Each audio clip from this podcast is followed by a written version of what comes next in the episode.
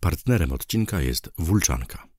Dzień dobry, z tej strony Patryk Szulc. Witam Państwa w kolejnym wydaniu Kronik Kryminalnych na kanale Podejrzani, a więc podsumowaniu wydarzeń ostatniego miesiąca w polskiej przestępczości zorganizowanej. Powiemy m.in. o Krystianie M., Polaku zatrzymanym pod zarzutem zlecenia zabójstwa holenderskiego dziennikarza śledczego Petera R. de Vries z lipca 2021 roku, a także o skazującym wyroku dla byłych członków grupy mokotowskiej Piotra G., pseudonim Gulczas, Marcina S., pseudonim Mołek Welmolek i Oskara Z., pseudonim Oskar. Uchyleniu decyzji wobec Ryszarda Boguckiego o warunkowym, przedterminowym zwolnieniu z odbywania reszty kary 25 lat pozbawienia wolności za zabójstwo lidera grupy ożarowskiej Andrzeja K., pseudonim Pershing. Napadzie na konwojenta pod bankiem na stołecznym Mokotowie oraz o akcie oskarżenia wobec Daniela G., pseudonim Walker i członków dwóch gangów, którymi miał kierować. Zapraszamy.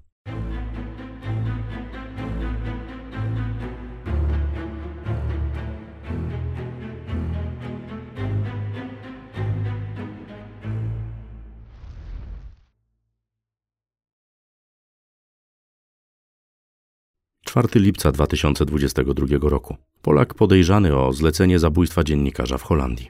6 lipca 2021 roku, w biały dzień, na ulicy w Amsterdamie, kilkakrotnie postrzelony został Peter R. de Vries, tamtejszy dziennikarz śledczy, pełniący też rolę doradcy świadka koronnego Nabila B. w procesie Mokromafia, marokańsko-holenderskich narkotykowych grup przestępczych.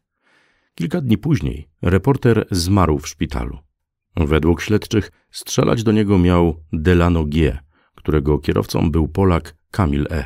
Ten ostatni robił też wcześniej rozpoznanie w miejscu zamachu.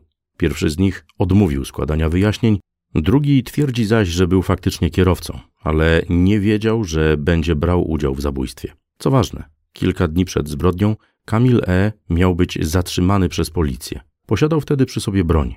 W Polsce był wcześniej notowany, a także poszukiwany przez policję. Dla obu oskarżonych prokuratura żąda dożywocia.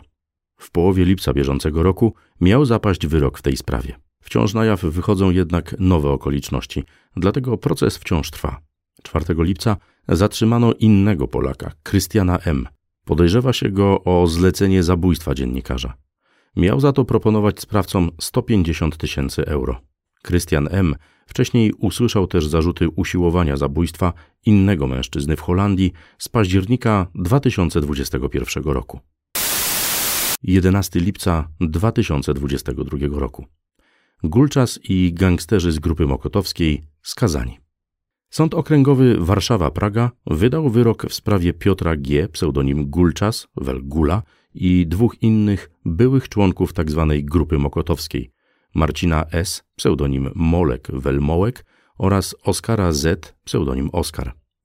Gulczas usłyszał karę 15 lat pozbawienia wolności za usiłowanie zabójstwa i trzy napady rabunkowe z lat 1998-2000. Mołek i Oskar mają spędzić za kratkami 8 lat za napad rabunkowy, którego dokonali na właścicielu jednego ze stołecznych kantorów w 2000 roku. Piotr G ma dodatkowo naprawić szkodę i zapłacić pokrzywdzonym zadośćuczynienie w kwocie 585 tysięcy złotych, a Marcin S. i Oskar Z. w kwocie 470 tysięcy złotych.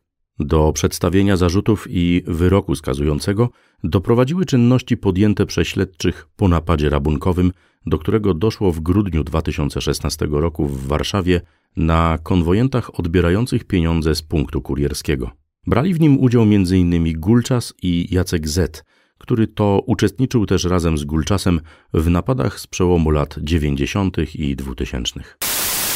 12 lipca 2022 roku. Ryszard Bogucki zostaje za kratkami.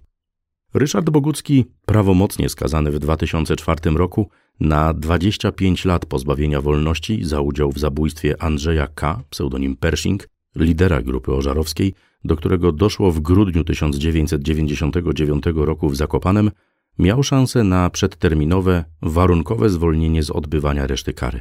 Taką decyzję w czerwcu bieżącego roku podjął Sąd Okręgowy w Częstochowie. Nie popierał tego dyrektor zakładu karnego w Herbach, a prokuratura złożyła zażalenie. Sąd apelacyjny w Katowicach uznał je za zasadne. Oznacza to, że Ryszard Bogucki będzie przebywał w zakładzie karnym do 2026 roku, kiedy zakończy odbywanie całości wyroku.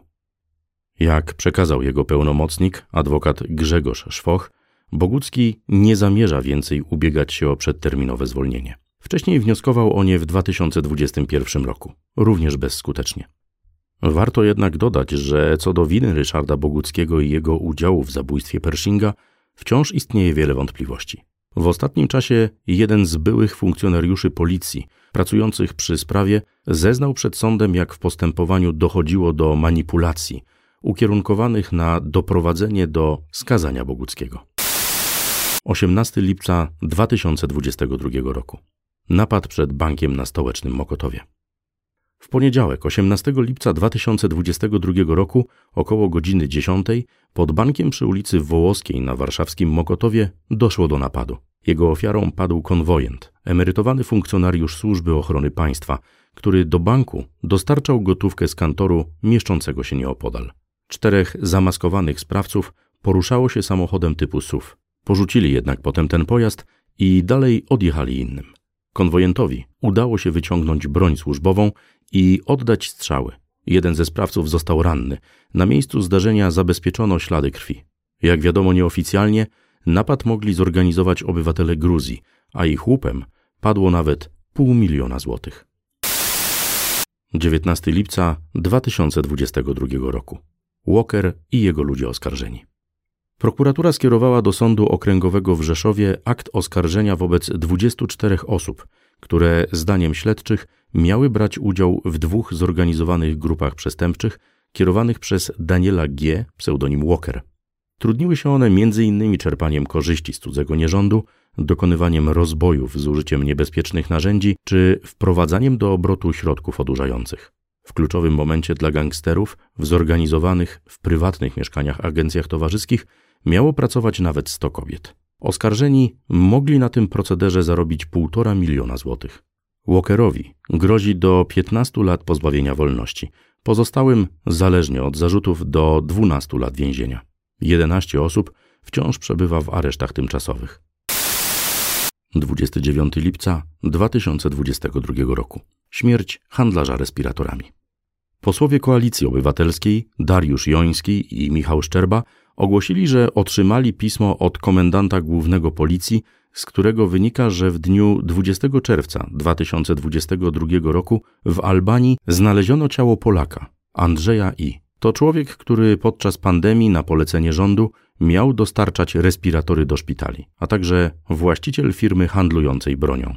Co istotne, mężczyzna wyjechał z Polski jeszcze w 2020 roku, a dopiero od marca 2022 roku był poszukiwany krajowym listem gończym. Międzynarodowy wystawiono dopiero po jego śmierci. Według jednej z wersji jego ciało miało trafić do Polski i zostać skremowane. Inna wersja zaprzecza transportowi zwłok. Podobne wątpliwości dotyczą samych okoliczności śmierci. Jedna z wersji wyklucza udział osób trzecich, druga mówi o tym, że Andrzej I został zastrzelony. 31 lipca 2022 roku. Nowe kanały YouTube od twórców programu Podejrzani.